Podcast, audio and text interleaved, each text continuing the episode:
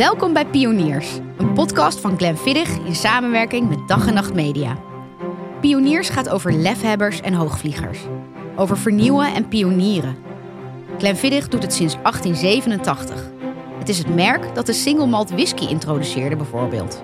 En het merk dat met passie blijft ondernemen, innoveren en altijd de vraag stelt: where next? Mijn naam is Ginny Ramkizoen. Ik ben schrijver en ondernemer. In deze podcast ga ik in gesprek met onze pioniers uit de wereld van cultuur, tech, mode en ondernemen. Wie zijn de Nederlandse hoogvliegers van nu? Wie durfde hun droom na te jagen en de gebaande paden te verlaten? En wat bracht dat hen allemaal? Wat zijn hun nieuwe projecten? Wat zijn hun nieuwe dromen? In deze aflevering spreek ik met Terry Groene en Daniel van der Meer. Terry heeft haar eigen modellenbureau, In Between Models, en Daniel richtte de vernieuwende uitgeverij Dasmag op. Hallo, welkom. Leuk dat jullie er zijn. Dank je. Kunnen jullie misschien een klein beetje vertellen over wat jullie precies voor bedrijf hebben? Terry, Ja. wil jij beginnen? Zeker. Ehm, nou ja, ik heb dus inderdaad een modellenbureau. En eh, wat wij doen met ons modellenbureau is wij richten ons op maat 36 tot en met 40. Ja. En dat was eigenlijk in de mode-industrie was dat helemaal, ja, kon dat voorheen niet. Mhm. Eh, en omdat ik zelf heel graag model wilde worden, maar altijd of te dik of te dun was, dacht ik, weet je wat, ik ga gewoon iets oprichten eh, waarbij meiden wel gewoon zichzelf kunnen zijn. En eh, ja, zo is In Between Models ontstaan. Heel goed. En kende jij Dasmag al? Nee, nee, wel gaan volgen natuurlijk op Instagram, maar eh, nee, ik kende het nog niet, nee. Nou, Daniel, kun jij wat meer vertellen? Eh, Zeker. Ja, nee, Dat Mag heb ik samen met Twan Donk zes jaar geleden opgericht. Ehm, eigenlijk omdat we vonden dat er in een veranderde wereld helemaal niks veranderde in de boekenwereld. Mm, Eh. Dus wij wilden een uitgeverij van deze tijd oprichten, waar schrijvers van nu zich prettig voelen, welkom zijn ehm, en radicaal minder boeken per uitgever eh, uitgeven. Dus dat we met veel meer zorg en met veel minder de zogeheten spaghetti-methode, maar zien wat er blijft hangen. Echt heel erg duidelijk durven te kiezen voor veel minder boeken, maar die waar we dan wel volledig achter staan. De spaghetti-methode, die, eh, die schrijf ik zo meteen even op. Dat vind ik een hele leuke metafoor. Terry, Ja. ehm, eh, vanaf jongs af aan wilde jij al in de spotlight staan zelf. Mhm, klopt. Ja. Eh, hoe denk je dat dat is gekomen? Dat durf ik eigenlijk niet te zeggen. Maar ik, ja, van, toen ik echt, echt heel klein was, toen, toen was de vraag ook altijd: wat wil je laten worden? En dan zei ik beroemd. Ja, nu op zich heb ik die droom niet meer echt. Maar ik vond het wel. ehm, in de spotlight staan vind ik inderdaad nog steeds heel erg leuk. En dat is ook wat ik nu doe met In Between. Ehm, ik ben zelf geen model meer, maar ik geef wel andere meisjes ook die spotlight. Dus dat vind ik, dat, ja, dat vind ik echt superleuk. Daniel, sta jij in de spotlight met Dasmag? Eh, nee, gelukkig niet. Eh, het is, dat hebben we wel in de beginperiode gedaan. Hebben we Mm. dat bewust gedaan. Eh, ook om ons eh, ja, eigenlijk bestaansrecht een beetje te bevechten. Er bestaan al zoveel uitgeverijen in Nederland. Waarom moeten wij er nou nog bij? Gelukkig is dat nu wat naar de achtergrond. En het lukt het ons om inderdaad, net zoals jij, de spotlights aan anderen te geven. Aan, aan Ja. onze schrijvers. Ehm, denken jullie dat het een, be- een, belangrijke on- een belangrijk onderdeel is van het neerzetten van je brand? Dat je zelf eerst in de spotlights moet staan? Mm, niet per se, maar ik denk wel dat die spotlight wel belangrijk is voor jouw brand. Ja, want jij bent wel heel erg in de spotlight begonnen. Ja. Van wat ik mee heb gekregen van eh, social media. Ja. Ehm, want wij, wij volgen elkaar al via Facebook volgens mij ook al nou, jaren. dus ik heb helemaal gezien hoe jij vanuit je eigen eh, gemis eigenlijk in de modellenwereld in Between Models bent gestart. Ja. Ehm, maar ik zag wel altijd jou eh, op de foto's Ja. die je deelde met het verhaal dat je deelde van Ja. In Between Models. Dus jij hebt eigenlijk jouw brand best wel gebouwd op je eigen gezicht. Ja, en ook op mijn verhaal inderdaad. En dat is, ja, daarom heb ik inderdaad ook die media-aandacht gehad. Omdat ik zelf, nou ja, afgewezen werd continu. Mhm. En daar eigenlijk ja, een draai aan heb gegeven. En, en ja, mijn afwijzing om heb gezet in iets positiefs. Ja. En dat verhaal ben ik zoveel mogelijk gaan delen, ook ter inspiratie. Ik ben, ik ben nog wel benieuwd, want was er dan één moment dat de doorslag bij jou gaf eh, om echt voor jezelf te beginnen? Ja, leuke vraag. Ik heb, ben eigenlijk altijd afgewezen omdat ik te dik was. Ik doe het even zo, tussen haakjes. Ja. Te dik was voor modellenwerk.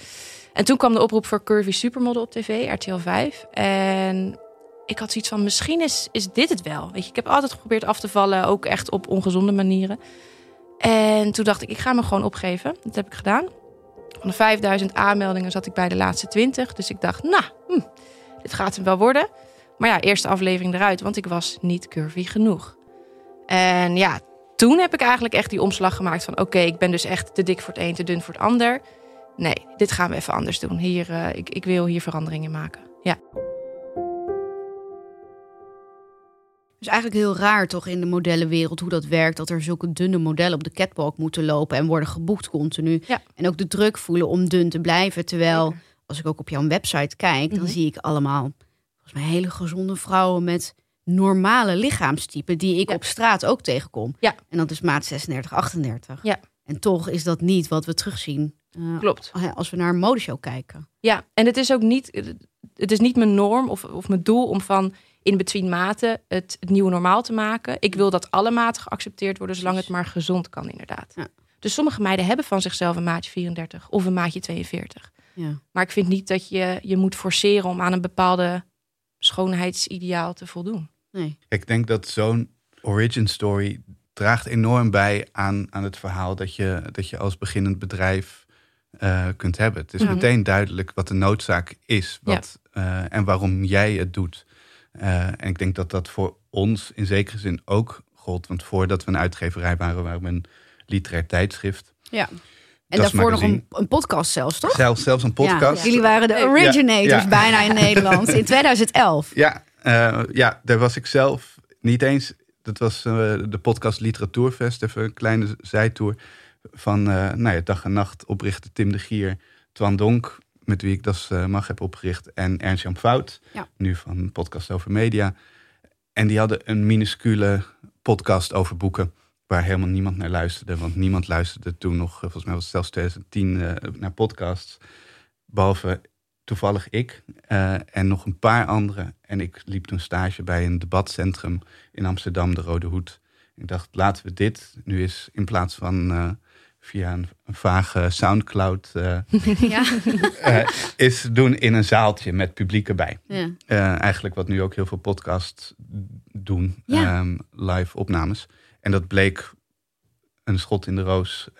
En dat was wel, nou ja, eigenlijk zoals jij een soort moment had waarop duidelijk werd, oh ja, er is hier behoefte aan, er is een noodzaak. Was dat voor ons dat opeens er een paar honderd jonge mensen kwamen naar een avond waarover boeken gepraat werd. ja. En toen dachten Twan en ik ook, we zaten al met dat idee van een literair tijdschrift te spelen.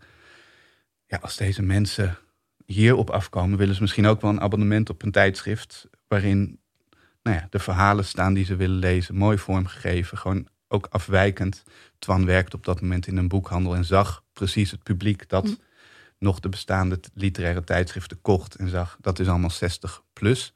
Die zijn bediend, maar alles daaronder, ja, daar is gewoon echt wel een markt voor. Maar dan moet je ook wel iets doen dat afwijkend is. Nou ja, dat, dat zijn we toen begonnen. Maar dat was wel voor ons het moment dat we zagen... ja, er is een persoonlijke behoefte, wij willen dit... maar ook er is een mogelijk een publiek hiervoor. Vond je dat niet spannend? Want ehm, volgens mij in, in die tijd eh, kregen boeken ook een steeds stoffiger imago. En we hadden de opkomst van social media en de technologie werd steeds meer eh, eh, ontwikkeld om je eigenlijk online te begeven als je een verhaal wilde vertellen. Dat hoefde allemaal niet per se meer via papier. Ja. Dus was dat niet dan spannend om dan toch iets te gaan proberen? wat eigenlijk gedoemd zou zijn om te verdwijnen binnen nou, een paar decennia. Eh, zeker, maar de, het voordeel is ook wel, we waren toen praktisch studenten... dus het hoefde ook niet meteen Nee. een heel bedrijf in, eh, in leven te houden. Ehm, en we zagen op dat moment was Halbe Zijlstra staatssecretaris eh, van cultuur met de totale kaalslag. En elke subsidie die werd stopgezet. En dat gold ook voor de literaire tijdschriften. En literaire tijdschriften zijn gewoon tijdschriften met verhalen, essays, gedichten. Ehm, en dat hebben wij toen echt heel erg juist gebruikt in ons verhaal. Ja, oké, de overheid wil niet meer per se dat deze tijdschriften overleven. Laten wij als publiek laten zien dat er wel degelijk een bestaansrecht is. En toen zijn we een crowdfundingcampagne begonnen, wat ook nou ja, nog een van de allervroegste crowdfundingscampagnes van Nederland was, om een soort nulnummer van het tijdschrift op te richten. Nou, als ik nu kijk naar hoe dat nulnummer was, was dat echt wel een beetje gênant. Ik heb gehoord dat er nietjes in zaten. Ja, het, het was wel totaal geen ervaring met een tijdschrift maken en de ontwerpers ook niet.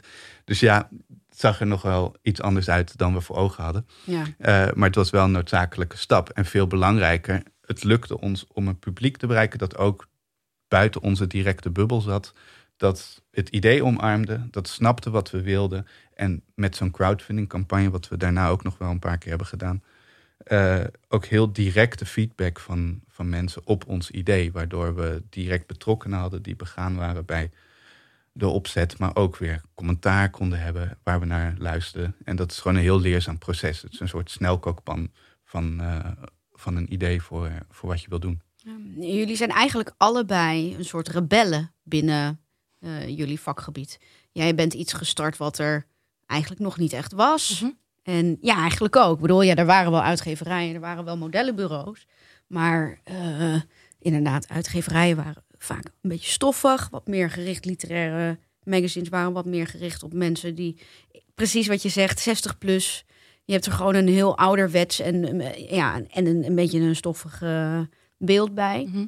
En uh, ja, als je kijkt naar de modellenwereld, ja, iedereen ziet meteen de allerdunste modellen voor zich die uh, dat is natuurlijk een vooroordeel, maar die alleen maar op uh, selderij en komkommers. Uh, ja, die verhalen heb je zeker. Ja. ja. En, en dan waarschijnlijk ja. niet eens zozeer omdat ze dat zelf willen, maar omdat het het enige is wat er aangeboden wordt ja. nog steeds. Ja, ja, zeker. Jullie hadden allebei een idee. Hoe ben jij je idee gaan ontplooien? Was er geld? Nee. Nee, nou, er was wel wat geld. Maar ja, dat is eigenlijk. Ik, ik heb nooit bijvoorbeeld echt een plan gemaakt of zo. Of, of, of ik ben toevallig ook, ook uh, genomineerd voor ondernemer van het jaar een paar jaar geleden. Die heb Ja. ik niet gewonnen. Want ik kon niet aantonen wat ik wilde doen. Ik, ik, ik had mijn gevoel van ja, ik wil dit gewoon en ik wil dit neerzetten. En ik wil podium geven uh, aan die meiden. Weet je dat ook? Uh, totaal. Ja? ja? Oh, nee, grappig. Echt nul ervaring. Niet eens een idee van hoe ik een businessplan Nee. Nee. zou moeten maken. Nee, nee. Ik dacht ook zoiets van ja, oké, ik heb een website nodig. Nou, ik ging wat mensen bellen, joh, kan je me helpen? Nou, die website was uiteindelijk echt drie keer niks. Uh, gewoon zo erg dat ik het niet Weet eens je aan mijn klanten... magazine van Daniel? ja, zonder nietjes. Ja. maar dat ik echt dacht, oh nee, dit durf ik niet eens aan mijn klanten te laten zien. Nou ja, toen via, althans met een, een, een vriend van mij, die heeft me toen geholpen van oké, we gaan die website gaan we voor je neerzetten. Zodat je wel verder kan. Want ja, ik dacht, ik heb een modellenbureau. Ik vind het wel een beetje sukkelig om, om mijn Instagram door te sturen. Nou, hier kan je de modellen op zien, weet je wel. Dus ik dacht, ik moet wel een website hebben. Ja, en zo kwamen daar eigenlijk continu ideeën tot stand. En, uh, en ja, ben ik nu waar ik nu ben. Dus ja, die kosten ook in het begin waren gewoon eigenlijk alleen jezelf. Ja, ja eigenlijk wel. Ja, en dan de website, Ja. die uiteindelijk niks deed. Maar ja, Daniel, eh, jullie waren dus eigenlijk ook een rebel binnen de uitgeverswereld. Nou ja, ik, ik ben onder andere eh, freelance consulting editor voor een uitgeverij ook. Oh. Voor AB Bruna, dus even, net even wat anders. Ik heb gelezen dat het eh, voor jullie op zich best wel lastig was om, om, om serieus genomen te worden door de uitgeverswereld. Omdat ze, weet je, zij hebben allemaal hun strepen wel verdiend. Dus ze hadden zoiets van, ja hallo, wie zijn die eh, jonge jochies die denken dat ze het beter kunnen? Ja. Hoe ben je daarmee omgegaan? Werd je serieus Nee, dat- genomen in het begin? Nou ja, Door hè, de mensen om je heen? Het, het, zeker. eh, kijk, wij, toen we begonnen moesten wij ons afzetten tegen alle bestaande uitgeverijen. Net zoals jij dat moet doen. Ja. Moet je je eigen terrein afbakenen en ook daarmee zeggen... de rest doet het niet. En dat is eigenlijk heel raar. Mhm. Eh, en dat jouw manier van werken anders is dan die van de rest. Dus dat alle bestaande uitgeverijen daar een beetje pissig over zouden zijn... dat is logisch. Dat, dat hadden we ook niet anders eh, verwacht tegelijkertijd, ja, we doen het niet voor die uitgeverijen. Dus wat zij ervan vinden, laat me in zekere zin redelijk koud. Ja. Eh, het gaat om de schrijvers, in jouw geval de modellen, of het publiek eh, en jouw klanten. Ja. Eh, snappen die wat je doen, doet? Ehm, en kun je die overtuigen? Want dat is veel meer voor wie je het doet dan voor Ja. je directe omgeving. En dat is denk ik wel een valkuil. En het prettige van pionieren van beginnen is dat je ook niet eens zo goed weet wat de rest van jou vindt. Mhm. Dat is heel bevrijdend en heel prettig. En dat moet je ook zo lang mogelijk koesteren, volgens mij. Uh, want als je maar lang genoeg in dat wereldje rondloopt, dan kun je opeens inderdaad, als je even niet oplet, iets aan aantrekken van mensen voor wie het helemaal niet doet, maar die toevallig ook in jouw wereld werken. Dus als je start, moet je dan dus eigenlijk niet te veel naar concurrentie kijken? Ja. Uh, wij keken natuurlijk wel naar andere bedrijven, maar veel meer. Bijvoorbeeld keken wij naar Topnotch, het uh, ja. plaatlabel. En met wie we later ook in een, een kantoor zaten. En Kees de Koning uh, ook betrokken was bij de oprichting van de uitgeverij. of naar buitenlandse uitgeverijen.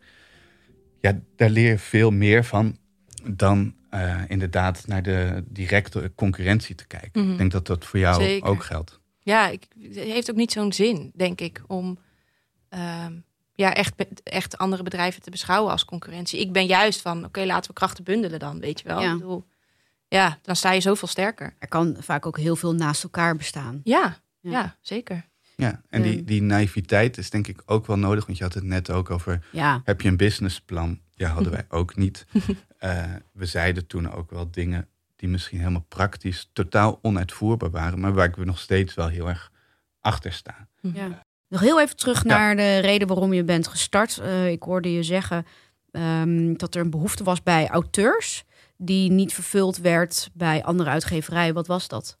Eigenlijk vooral een wat eh, intensere redactie en zorg tijdens het uitgeven. Dat, eh, en die kunnen wij bieden omdat we gewoon een relatief grote, groot team zijn en vrij weinig boeken uitgeven. We geven 15 boeken per jaar uit. Hm. Nou, dat is nog best aanzienlijk, kan ik je verklappen. Maar veel uitgeverijen zitten op 100 à 200 boeken per Oh, jaar. Nou ja, ja. als je elke werkdag een boek uitbrengt en telkens moet zeggen: dit is een meesterwerk, hier Ja. moet elke krant over schrijven, dat, dan gaat je geloofwaardigheid ook niet, eh, houdt dat ook niet vol. Een andere vraag waarmee ik dit blokje eigenlijk even wil afsluiten is: ehm, welk advies eh, hebben jullie links laten liggen? Hebben jullie advies gekregen waarvan jullie dachten: oké, ja, heel waardevol, maar ik ga er niks mee doen? Oeh, daar moet ik even over nadenken. Zal je een heel klein, een heel klein zetje geven. Volgens mij heeft jouw vader Mhm. ehm, wel eens iets gezegd over internationale franchise. ja, Vertel. ja, ja. Hoe Oh, zat dat? Oeh, scherp. Ja, nee, klopt inderdaad. Ja, ik heb daar inderdaad nog steeds niks mee gedaan. Mijn vader heeft trouwens ook vroeger gezegd: Jij moet een modellenbureau starten. Ik dacht, papa, houd toch op. Mm. Houd erop. En hij had altijd allemaal ideeën. En hij, ja, leuk dat je dit zegt, want het kwam me helemaal niet eh, bij me in op. Maar ehm, ja, hij had altijd wel ideeën ook over een bureau starten. En ehm, ja, Between Models is op, op een gegeven moment zo ontstaan, natuurlijk wel vanuit mijn eigen ervaring. Ehm, en ik doe het anders dan de rest. En dat vind ik heel erg leuk. Maar mijn vader zegt inderdaad dat, dat ik moet gaan franchisen. Eh, omdat mijn droom met In Between Models echt wel eh, is om internationaal te gaan. De, ehm, we krijgen ook eh, heel veel aanmeldingen van modellen uit het buitenland. Dus die vraag is er wel. Ik, ja, mijn vader zegt het en we ze hebben al wel een beetje gegoogeld. Maar ik zou echt niet weten waar ik moet beginnen. En ehm, wat, wat houdt een internationale franchise in? Nou, eigenlijk ehm, wat ik het liefste wil, is dus verschillende vestigingen in verschillende landen. En als je dan op www.inbetweenmodels.com, eh, eh, als je dat intikt, dan kan je dus kiezen van oké, wil je Nederland, wil je Spanje, wil je whatever, Amerika. Wel, eh, leuk. Think big. Ja, tuurlijk, tuurlijk. Dus ehm, ja, dat zou ik wel eh, echt wel heel graag willen hoor. Maar dus het, het is een advies wat je eigenlijk hebt geparkeerd. Dus nog niet per se dat je zoiets hebt van, nou, dat gaan we niet doen. Ik heb sowieso wel iets van, Ja. dat wil ik doen, maar hoe, Oké, dat weet ik nog niet. oké, nou ja. En ik denk wel dat soms dingen zeg maar op je pad komen en inderdaad je parkeert ze dan en dan op een gegeven moment zet je het Ja. wel een beetje soort van uit en dan Nou ja, mocht Ja. er iemand luisteren die eh Kijk. Terry kan helpen Kijk. hierbij, dan eh, eh, hè? Ja. ben je te vinden Zeker. via social media. ja, zeker. Ehm, heb jij advies gehad dat je in de wind hebt geslagen?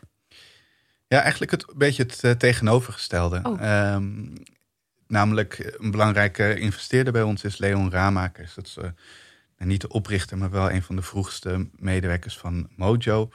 Ehm, Mojo is de, van de festivals, Lowlands. Ja, en zit achter de Ziggo Dome. En gewoon zo'n, heeft zijn sporen heel erg verdiend. En die zei, we hadden namelijk ook nog een festival staan.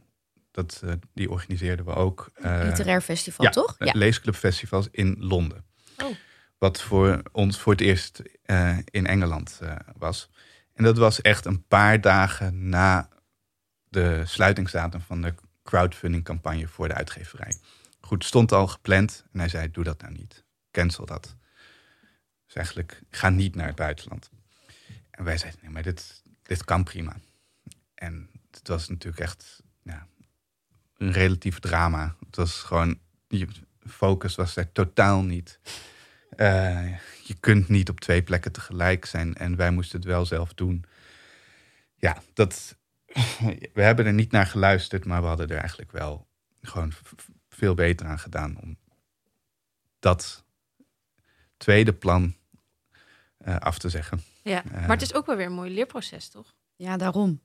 Ja. Dat, ja, de- de- Ja, ja, maar wel met als les in ons geval niet meer doen. Dus dat op zich als. ja, maar ja, goed, dat, dat is ook wel een goede Ja. les Ja, natuurlijk. nee, natuurlijk. De- Ik, ik denk zelf heel vaak na over het andere mensen willen behoeden voor het maken van fouten. Als je ondernemer bent, kun je natuurlijk heel goed vertellen over wat wel heeft gewerkt, wat niet heeft gewerkt voor jou. En wat je er zelf van hebt geleerd. Zodat andere mensen die luisteren, die fouten dan bijvoorbeeld niet hoeven te maken. Maar dat heb ik zelf ook heel vaak gezegd. Maar dan denk ik eigenlijk altijd van ja, maar iedereen moet eigenlijk juist wel zijn eigen fouten maken. Want daar leer je het Ja, en wat is nou van. fout ook? Ja, Ja. er is natuurlijk er is geen perfecte manier om te ondernemen. Dat, dat Ja. hoor je ook alweer aan hoe jullie zijn gestart. Want volgens mij hebben de meeste mensen ehm, het wat hoogdrempelige beeld van dat als je een succesvolle ondernemer wil zijn, eh, wat je interpretatie van succes dan ook mogen zijn, dat je een businessplan moet Mhm. maken en dat je eh, nu al moet weten waar je over vijf jaar eh, wil zijn, dat je dat je heel veel geld op je rekening moet hebben of heel veel investering, maar dat hoeft allemaal niet. Het ligt er een beetje aan wat je begint en vanuit welke eh, motivatie je iets begint. Ehm, maar bij jullie is het eigenlijk natuurlijk ontstaan vanuit eigen behoefte of, of wat je om je heen hebt gehoord, Mhm. eh, waar de behoefte aan was. Ja. In jouw geval, eh, Daniel, je had nog nooit voor een uitgeverij gewerkt of bij een uitgeverij. Dat is Nee. best wel een, een, een pittig proces. Want ik werk ook voor een uitgeverij, dus ik weet hoe het werkt. Maar als er mensen in mijn omgeving een boek willen maken, dan moet ik ze altijd heel goed uitleggen wat er komt kijken bij het maken van een boek. Omdat mensen totaal geen idee hebben wat er eigenlijk allemaal achter, aan de achterkant gebeurt voor, voordat er een boek in de winkel ligt. Ja, nee, dat, Ehm, dat klopt. Eh, tegelijkertijd had ik wel het geluk dat met het tijdschrift dat we hadden, dat we zonder dat we door hadden, eigenlijk alle facetten van een uitgeverij aan het doen waren. Dus we waren aan het auteurs aan het begeleiden. We Ja. deden aan vormgeving, we organiseerden boekpresentaties. We werkten ook wel eens voor uitgeverijen. Dus dat, dat was een soort, niet dat dat bewust was, verre van, eh, maar een soort zachte introductie in alles wat er komt kijken bij een uitgeverij. Ehm, en het waren ook de auteurs die op een gegeven moment zeiden: Zouden jullie niet eens een uitgeverij moeten beginnen? Dat idee was bij ons ook helemaal nog niet geland. Eh, maar dat zij zeiden: Als jullie dat doen, zou ik het wel echt overwegen om naar jullie uitgeverij te gaan. Dat was eigenlijk echt het startpunt om daar serieus over na te gaan denken. Ja, en jullie, jullie waren in staat om gewoon beter te luisteren naar welke behoeftes de auteurs hadden. Ja. Ik zit hier met Tom Aalmoes. Tom is podcastpresentator bij Dag en Nacht en mijn editor bij deze podcast. Hey Tom. Hey Jenny. Hey, ik heb een historisch feitje voor je, want ik weet eh, dat jij van geschiedenis houdt. Ja, dat klopt. Nou, wist jij dat in 1887 William Grant met zijn negen kinderen de distillerij bouwde waar het allemaal begon? En dat Glenfiddich toen werd geboren? Nee, dit wist ik nog niet.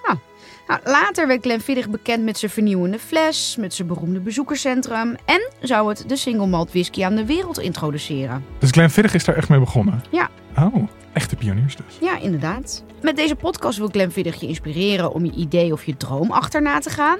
Eh, en ik ben eigenlijk benieuwd wie jou het meest heeft geïnspireerd, Tom. Nou, ik podcast dus over geschiedenis. En, Ja. en mijn voorbeeld daarmee is Mike Duncan, uh, Mhm. de, de presentator van de History of Rome podcast. En die is in 2007 ergens op een zolderkamertje begonnen. En die is nu een van de grootste podcasters uh, ter wereld, volgens mij. Dus uh, dat, dat is wel echt een voorbeeld. Oh, en where next dan voor jou? Wat is jouw droom? Even groot als Mike Duncan natuurlijk. Oké okay dan. Nou, terug naar Pioniers, de podcast van Glenn Viddig.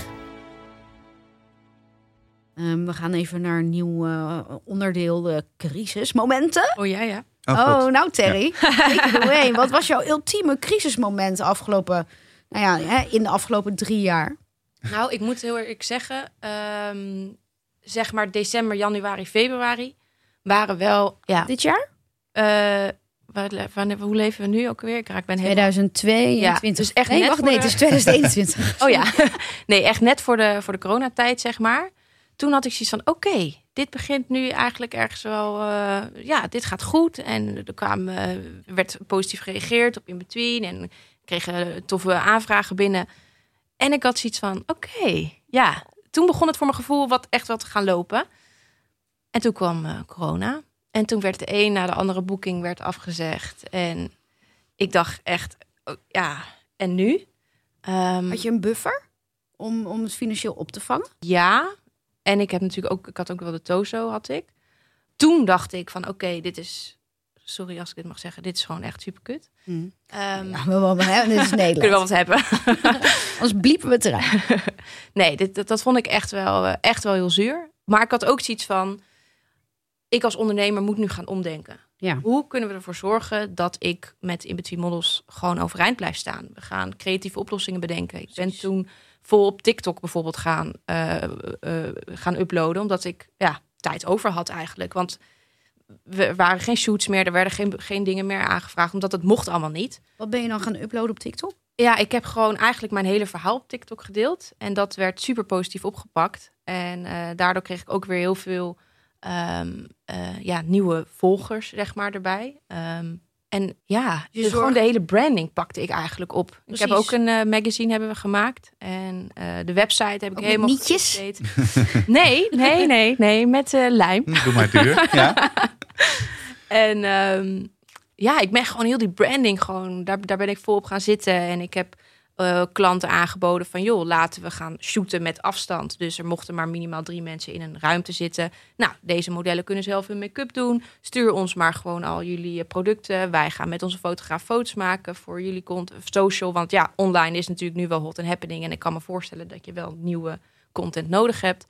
Dus eigenlijk, tuurlijk, in het begin zag ik dat wel echt als crisis eigenlijk. Want ik was wel bang dat ik niet meer overeind kon blijven staan.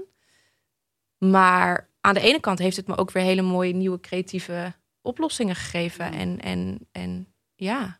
You made that crisis your bitch. Ja, exactly. Heel ja. goed. Ja. Dus je zorgde ervoor dat je nog steeds zichtbaar was. Ja. En wat, wat, ik heel veel bedrijven zie doen uh, in coronatijden. Ik wilde het eigenlijk helemaal niet over corona nee, hebben. Maar goed, weet. wat was ja. dan een uh, crisismoment voor jullie? Of hebben jullie er geen ja. beleefd?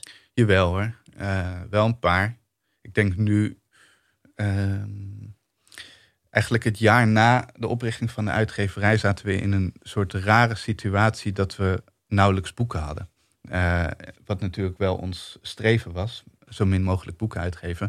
Maar het waren toen wel heel weinig. Um, en dat was omdat we zo bezig waren. We hadden een soort vliegende start. De eerste vier boeken die we uitbrachten deden het ver boven verwachting.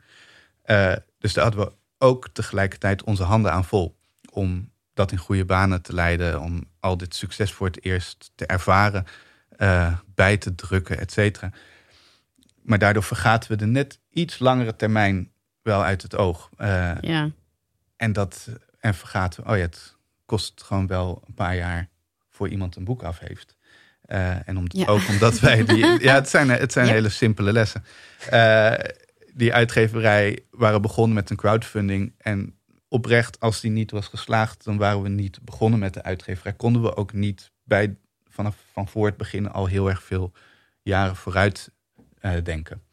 Dus dat was een soort crisispunt in dat je opeens met een bank moet gaan praten. Ja. Eh, en dat je echt weet, ja, we moeten nu heel snel nieuwe boeken, nieuwe plannen hebben. Eh, terwijl het eigenlijk ook heel, heel goed ging. Het is een soort raar, rare keerzijde van, van succes. Dat je dat opeens moet managen en dat je vergeet dat er nog uh, een tijd daarna komt. Vond je het nog wel leuk op dat moment? Nee, dat was dus niet per Het is echt, daar komt alles samen wat niet leuk is. Of in ieder geval waarvoor ik niet een uitgeverij ben begonnen. Namelijk, het heeft heel weinig met uh, mooie boeken maken te maken. Maar heel veel met, nou ja, opeens wel met Excel sheets en dergelijke. En, uh, en termen als liquiditeit. En, uh, ja. ja. Wat, wat heeft er dan voor gezorgd dat je, dat je de handdoek niet in de ring gooide? Nou ja, ook omdat er op dat moment was niet echt een keus. We, we hadden op dat echt, moment echt wel een team dat afhankelijk was van ons. Schrijvers die afhankelijk van ons waren. Uh, en op zich ook wel het idee, de bevestiging van dat succes was wel, we zijn op een goede weg, we hebben een goede weg ingeslagen. Ja.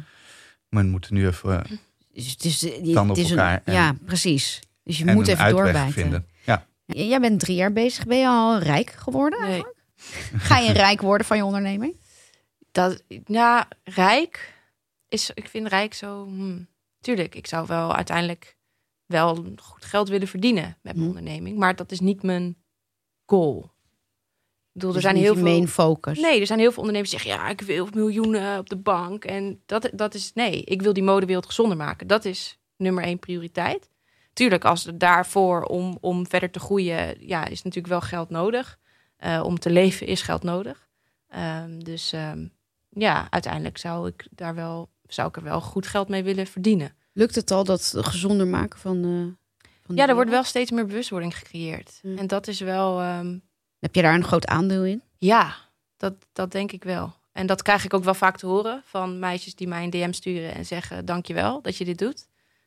Um, ik doe natuurlijk ook YouTube-video's maken en op social media video's maken waarbij ik met modellen het gesprek aanga. Um, ja, en ze hun ervaring laat vertellen. En dat zijn ja, soms ook wel heftige verhalen over niet meer menstrueren tot ondervoeding, tot negatief zelfbeeld om model te kunnen worden. En daar wil ik gewoon heel graag vanaf. En ik denk dat dat alleen maar kan door juist die verhalen aan het licht te brengen. En ja, jonge meisjes die een modellendroom hebben te behoeden voor de vuilkuilen. Ik vind het leuk om te horen dat je zegt dat je gewoon beaamt dat je daar een aandeel in hebt gehad. In Nederland zijn mensen heel vaak toch wel geneigd om hun eigen prestaties te downplayen. En hoe zeg je dat? Humble. Um, ja. Uh, humble te zijn. En Ja. zeggen, oh ja, nou ja, ik weet het niet. Weet maar jij zegt gewoon ja, Ja, good for you. Thanks. Um, dus je bent eigenlijk heel trots op het feit dat je dus daadwerkelijk beweging brengt. Uh, Of veroorzaakt in die wereld. ja, nou ja, ik, ik vind het nodig. En heel veel mensen vinden het nodig, want dat krijg ik ook te horen. Maar ja, tuurlijk, ik ben wel trots op wat ik tot nu toe heb neergezet en waar we mee bezig zijn. En dat die beweging wel langzamerhand ja, tot gang komt. Waar ben jij trots op? Meest trots op? Als we het hebben over onderneming of ondernemerschap. Ja, ja. Gek is niet per se op het feit dat wij als uitgeverij bestaan. Dat is, eh, ja, ik, dat zit echt veel meer in, in wat we doen. Dus in bepaalde boeken, dat die zijn geworden wat ze zijn geworden. Dat we daaraan hebben bijgedragen, wat weer in veel gevallen maatschappelijke impact heeft gehad. Heb je het dan over Laura H? Ja, bijvoorbeeld. eh, maar ook het boek van Lise Spit, Het Smelt. Het, ehm, ja, dat, je ziet daar gewoon... eh, in Vlaanderen is daar jaren, en er komt nu ook een film aan... heel erg ook maatschappelijk. Het is een boek over een wat ongelukkige jeugd... om het mild te zeggen, met veel alcoholmisbruik van ouders. Dat is gewoon ook een thema geworden waar mensen het over hebben. Ehm, dus dat hoeft niet alleen maar in non-fictie te zitten. Ehm, er zit ook veel in, in de romans die we uitbrengen. Ja, dat het onderwerpen aankaart die ik zelf belangrijk vind. ehm, en die nou ja, hopelijk iets teweeg brengen.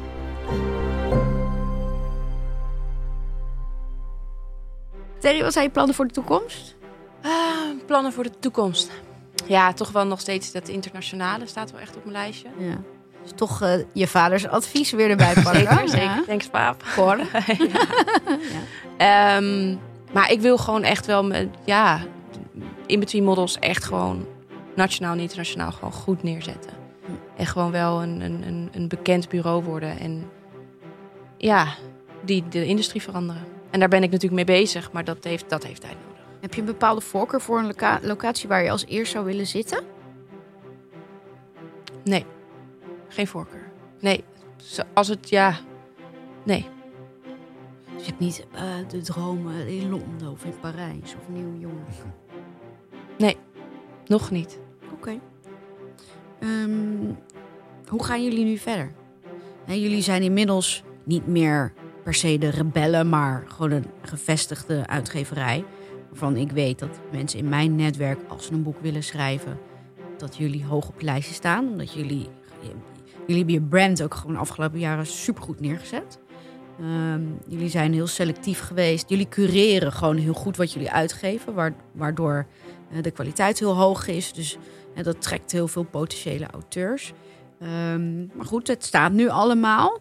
Gaan jullie weer, een, een, eh, gaan jullie weer rebelleren? Gaat er nog weer iets heel spannends gebeuren? Of gaan jullie gewoon door waar jullie mee bezig zijn? Er zijn wel plannen, eh, of die zo rebellerend zijn als, als toen we de uitgeverij begonnen, weet ik niet. Eh, Hmm. ik hoop het ergens wel. Ik hoop ook dat die weer op ons pad komen. En verder hebben we het ons in zekere zin best moeilijk gemaakt om te groeien. We hebben gezegd, we willen 15 boeken per jaar uitbrengen. Ja, daar blijven we achter staan. Dus we gaan niet opeens in die zin 25 boeken per jaar uitbrengen die we allemaal, waar we allemaal achter staan. Nee, het blijft bij die 15. Nou ja, en dat is echt al uitdaging genoeg voor de komende tijd om, eh, om dat vol te houden en jaarlijks eh, te presteren. En, eh, oh sorry, jij wilde. Nee, ja, ik vond- vind dat mooi. Dat je inderdaad gewoon eh, zoiets hebt van dit is, dit is hoe we het doen en niet anders. Ja. Ja, vind ik tof. Nee, dus, daar staan we volledig achter. En Ja. dat, eh, nou ja, als andere uitgeverijen dat ook gaan doen, dan hebben we in die zin ook nog een, eh, een impact op, eh, op de rest van Nederland. Maar je moet natuurlijk wel altijd blijven kijken naar hoe je jezelf kan ontwikkelen. Dus gaan jullie bijvoorbeeld ook ooit op TikTok dansjes met auteurs? Ik leer Ja, je wel wat dansen. Echt, Ja. echt, echt, echt rebellerend zou ik dat ook niet vinden. Goeie kans. Ik wil hem heel graag afronden. Ik vond het heel leuk dat jullie er waren. Jullie waren de eerste gasten. Ja. En we hebben heel veel informatie eh, eh, uit jullie gekregen inmiddels. Hebben jullie allebei nog advies voor mensen die aan het luisteren zijn en een idee hebben? En ehm, ook misschien wel willen ondernemen, maar dat bijvoorbeeld nog heel spannend vinden. Wat, eh, Gewoon doen. ja? Ja. Ja, en ik, denk ook niet dat je te veel na moet denken. Want ik heb die vraag inderdaad wel eens gehad van... ja, ik wil voor mezelf beginnen. Hoe begin je? Gewoon doen. Ja. Ja, dat, dat, ik denk dat je dat gewoon je gevoel moet volgen. En weet dat wat je doet goed is. En ook al voelt het op dat moment niet goed... of is het uiteindelijk niet goed, tussen aanhalingstekens.